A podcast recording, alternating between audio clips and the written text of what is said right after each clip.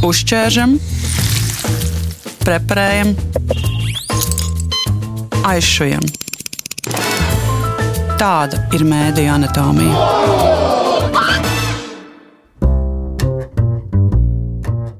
Liela daļa Latvijas mediju, lai pastāvētu, naudu pelna ar abonementiem un reklāmām.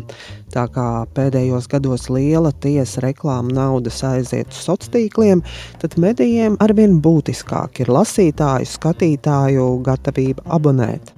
Par kādu mediju saturu esam gatavi maksāt?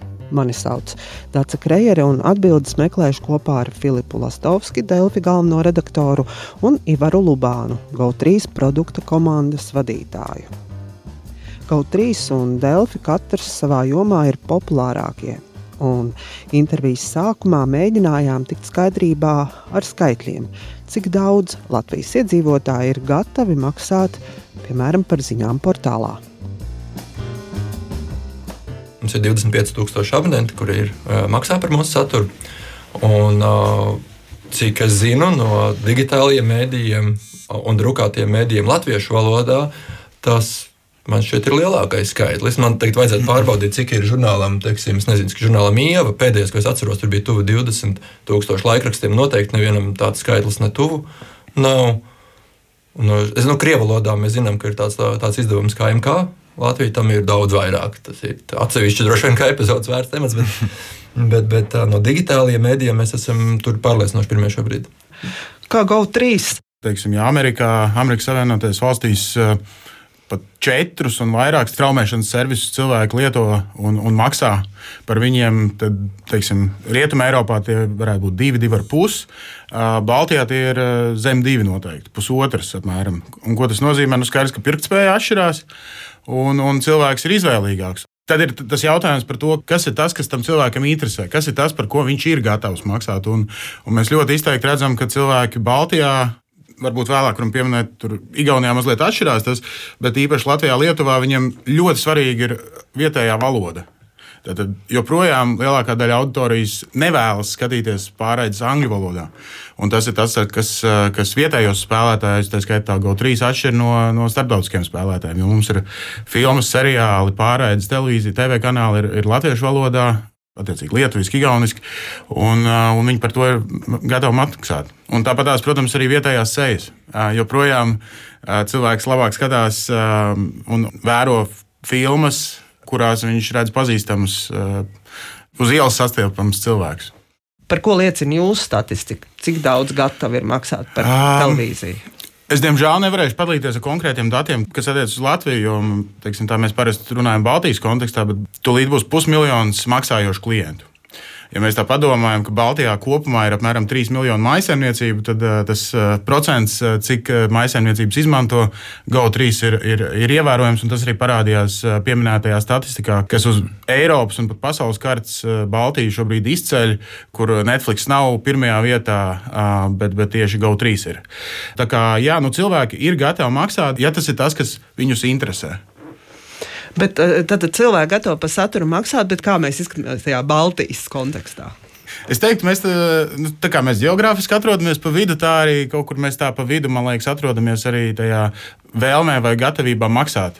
Igaunijā, teiksim, mēs vairāk novērojam to, ka eh, pirmkārt arī Tur ir valodas specifika, ka Igaunijā jau gadiem arī TV kanālos filmas tiek pārraidītas oriģinālā valodā un tikai ar subtitriem.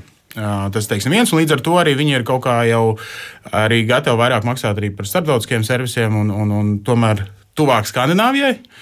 Lietuvā savukārt ir viens vai pāris diezgan izteikti spēcīgi nelegālie servisi, vietējie, ar kuriem, protams, mēs cenšamies cīnīties, bet, nu, kā jau mēs zinām, ar, ar pirātismu simtprocentīgi nekad nav iespējams laikam uzvarēt.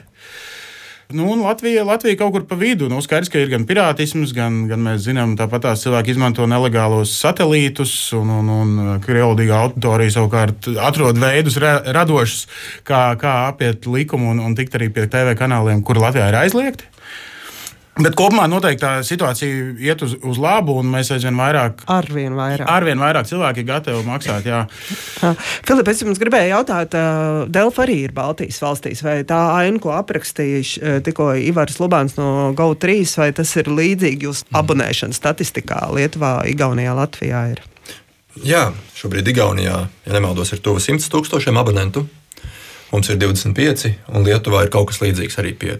Es nepateikšu precīzi, diemžēl šobrīd, bet arī pie 25. Uh, Igaunija gan ir sākusi daudz gadus iepriekš. Uh, viņiem arī aizmugurē bija laikraksta un žurnāla izdevniecība. Un, un uh, mēdījiem, kuram aizmugurē ir šie žurnāli un laikraksti, krietni vieglāk paskaidrot auditorijai, kāpēc, par ko tu maksā. Latvijas un Lietuvas gadījumā mums nebija. Mums ir jāstāsta cilvēkam, kurš visu mūžu ir pieradis nemaksāt, kāpēc pēkšņi šis saturs par šo saturu būtu jāmaksā. Un tas, protams, ir skaidrošanas darbs. Tas ir jau tādos skaitļos, bet tendencēs raugoties pēdējos gados, Delfi Latvijai tie procentu izaugsmas ir augstākās man šķiet šobrīd. To var palūkoties arī tie dati ir publiski. Mēs publiskojam ceturkšņu izaugsmas datus. Vismaz pēdējos ceturkšņus mēs esam bijuši pirmie. Tas ir skaidrs, ka, kāpēc tas tā ir atšķirībā no Igaunijas. Jo viņi šeit ir daudz gadus, viņiem tas temps kļūs ir mērenāks, līdzenāks. Mums produkts ir jauns, mums nākamgad paliks pieci gadi. Un, un tāpēc aizvien daudz cilvēku vēl tikai iepazīstās, ka ir tāds Delfa plus un, un kāpēc viņi par to prasa maksāt, un kas ir tas saturs, ko jūs varat iegūt, kas ir tie labumi. Es gribēju pajautāt, jūs bijāt viena no pirmajiem ne, Latvijā, kas, kas no raksturošiem mēdījiem ar maksu? Pirmie, teiksim tā, ir bijuši mēģinājumi vēsturē dienai portālam ir bijuši, mm. uh, un arī, ja nemaldos, Apollo Tie bija tādi mazi mēģinājumi. Tas nebija mm -hmm. nopietni. Šobrīd, piemēram, TVNet grupā ir ļoti nopietns šis abonēšanas piedāvājums. Vēsturē tur bija mēģinājumi, bet mm. viņi nekad neaizgāja. Mm. Tagad, kopš rietumu mēdīju vidē ir sākusies šī abonēšanas kultūra ar citu uzrāvienu, tieši mēdījiem, komercmedijiem, tad Latvijas tādā izpratnē mēs Latvijā bijām pirmie. Es, es vienkārši jautāju, tāpēc, ka nu, kaut kādā ziņā mēs arī bijām viena no pirmajiem. Ja? Nu, tur teiksim, atšķirās mazliet pa valstīm, ja, bet, bet kopumā es gribētu teikt, tad, kad GO3 eh, pirms četriem gadiem tika palaists, pirms tam arī bija servis, arī mums pašiem grupā bija cits servis, bet tajā laikā tas bija ļoti mazā apjomā. Es arī varētu atsaukties kaut kādā ziņā tieši tajā brīdī, kad mēs ienācām. Un, un arī shortcuts uz TET, plus tur pēc tam rebrandojās. Eh, tajā brīdī mēs, un, un arī jūs tajā skaitā, veidojot šo izpratni. Un, un tas, vismaz manā gadījumā, es redzu, tas ir tas uh, pirmkārt, dod gandarījumu, ka tu redzi, ka, ka tiešām aizvien vairāk cilvēkiem rodas sapratne par to, ka, ka jā, ir vērts maksāt par, kaut kādu veidu video vai raksturošo saturu. Bet otrs, tas arī nozīmē lielu skaidrojumu šo darbu kopumā, lai to izpratni veicinātu. Nu, vienmēr būs šie tā saucamie, nezinu, latviešu termini, early adopters. Jā, jā tātad tie, kas pirmie uz visu panākumu. Agrīnie pavalkās, fani. Agrīnie fani, jā, nu, tādi, kas pavalkās uz, uz, uz, uz kaut kādiem jauninājumiem, tad viņiem ir sekotāji. Un tad tās masas atkal, nu, tas ir, lai, lai tiktu pie katra cilvēka gan Rīgā, gan Bauskā, gan, gan Daugopilī un, un izskaidrotu, kas tas ir un par ko tu maksāsi un kāpēc tu maksāsi. Tas ir vēl, vēl es gribētu teikt, tāls ceļš arī ejams uz priekšu. Pilnībā piekrītu. Es ļoti priecājos, kad es redzu, ka pievienojās klāt arī citi mēdīji. Tagad nesen, nesen paziņoja par savu abonēšanas servisu arī Latvijas avīzes portāls LASLV. Pēc mums sakoja TVNet ar, ar kliku produktu. Šobrīd viņi ir TVNet plus, ja nemaldos. Un, Pēc tam arī Santa uh, sadušojās, jo viņam ir ļoti liela šī drukāto mēdīju pasaule, izdevniecība. Mm. Sen jau, protams, ka vajadzēja, bet arī viņi ienāca un aizvien strādā ar to, kas ir ļoti ļoti uzteicami, jo vairāk mēdī sapratīs, ka šeit ir tā tirgus nākotne un tas, kā mēs varam nodrošināt eh, neatkarīgu redakcionālu saturu, jo vieglāk to būs arī izskaidrot vispār kopumā. Ja, protams, kā kolēģis minēja, aizvien bieži ir šie jautājumi, kāpēc jāmaksā. Un jūs nevarat iedomāties, cik ļoti es varbūt reizēm esmu piekusis stāstot, vai jūs ieiesiet Narvisenā vai kādā citā kioskā, jūs paņemsiet kafiju un iesiet projām nesmaksādams, vai kādu avīzi vai žurnālu, un tad jūs mm. teiksiet, ah, nē, šito nav. Kāpēc par laika ziņu vai kādu citu formātu saturu jāmaksā? Nu, labi, bet tad jūs paņemsiet žurnālu, ir, teiksim, un tad jūs izvēlēsieties, par kurām satura daļām tur jūs būtu gatavi. Un tad, par, nē, bet šito, šitais man pienākās par mm. velti. Bet tas, protams, ir arī saprotami. Es to nesaku nicinoši. Tas ir loģiski, ka cilvēkiem ir paradums, ir ieradumi, un uh, tas ir vienkārši laika jautājums, kamēr mēs. Tas ir mūsu atbildība paskaidrot. Bet tas ir tikai tas pieredums, ka ir viss pa brīvu, vai, vai, vai tomēr? Domāju, tas ir pieredums, jo, ja mēs objektīvi skatāmies Delfa gadījumā, eh, par, par ko tad mēs maksājam? Mēs maksājam par žurnālistu darbu. Un līdz ar to žurnālistam jāsaņem ir alga un godīgs atalgojums neatkarīgi no tā, vai tas ir pētniecisks, dziļš raksts, vai tā ir vienkārši laika ziņa. Vai tad kāds ir diez vai pamēģiniet paši savā darbvietā teikt, ka jūs saņemsiet tagad algu par to, bet tad, kad jums teiksim, ir tāds vienkāršāks lietvedības uzdevums, varbūt savā uzņēmumā, vai noliktavā, vai, vai kādā kompānijā, ban ban banku sektorā, vai vienalga, kur par to mēs jums varbūt nemaksāsim. Nu, bet tas ir tāds tiešām izpratnes jautājums, un tas ir laika jautājums, jo tā abonēšanas kultūra.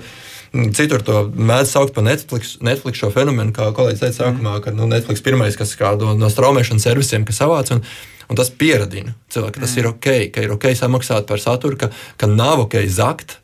Tajā pašā laikā, ja mēs spējam pasniegt šo pašu produktu cilvēkam ērtāk, ka viņam nav jāiet uz torrentos, viņam nav jāizdomā, kā es atvainojos, apčakarēt sistēmu, lai tiktu pie raksta izlasīšanas bez maksas, bet viņam tā, tā lietošanas pieredze ir ērta, ka viņš var to filmu nostīties telefonā, televizorā vienalga. Viņam nav jālādē datorā, ar vadu jāpievieno pie televizora vai, vai vēl kaut kā ka viņi izprot to, ka tas ir ērti un ka īstenībā, lai to dabūtu nelegāli, tas nozīmē, ka viņam būs jāpavada laiks, un viņš saprot, ka īstenībā tā ērtība daudz, daudz svarīgāka nekā varbūt tie nezinu, 3, 5, 7, 10 vai 15 eiro. Jums bija tāda pagājušā gada rudenī bija karmas latvieši, mm -hmm. vai jūs redzējāt arī savos skaitļos, jā, ka cilvēkiem šis žurnālistu radītais saturs interesē, un viņi bija gatavi arī pieslēgties mm. jums, lai to redzētu? Jā, tas tiešām bija kaut kādā ziņā eksperiments. Mēs skatāmies uz, uz tām tēmām, kas, kas visvairāk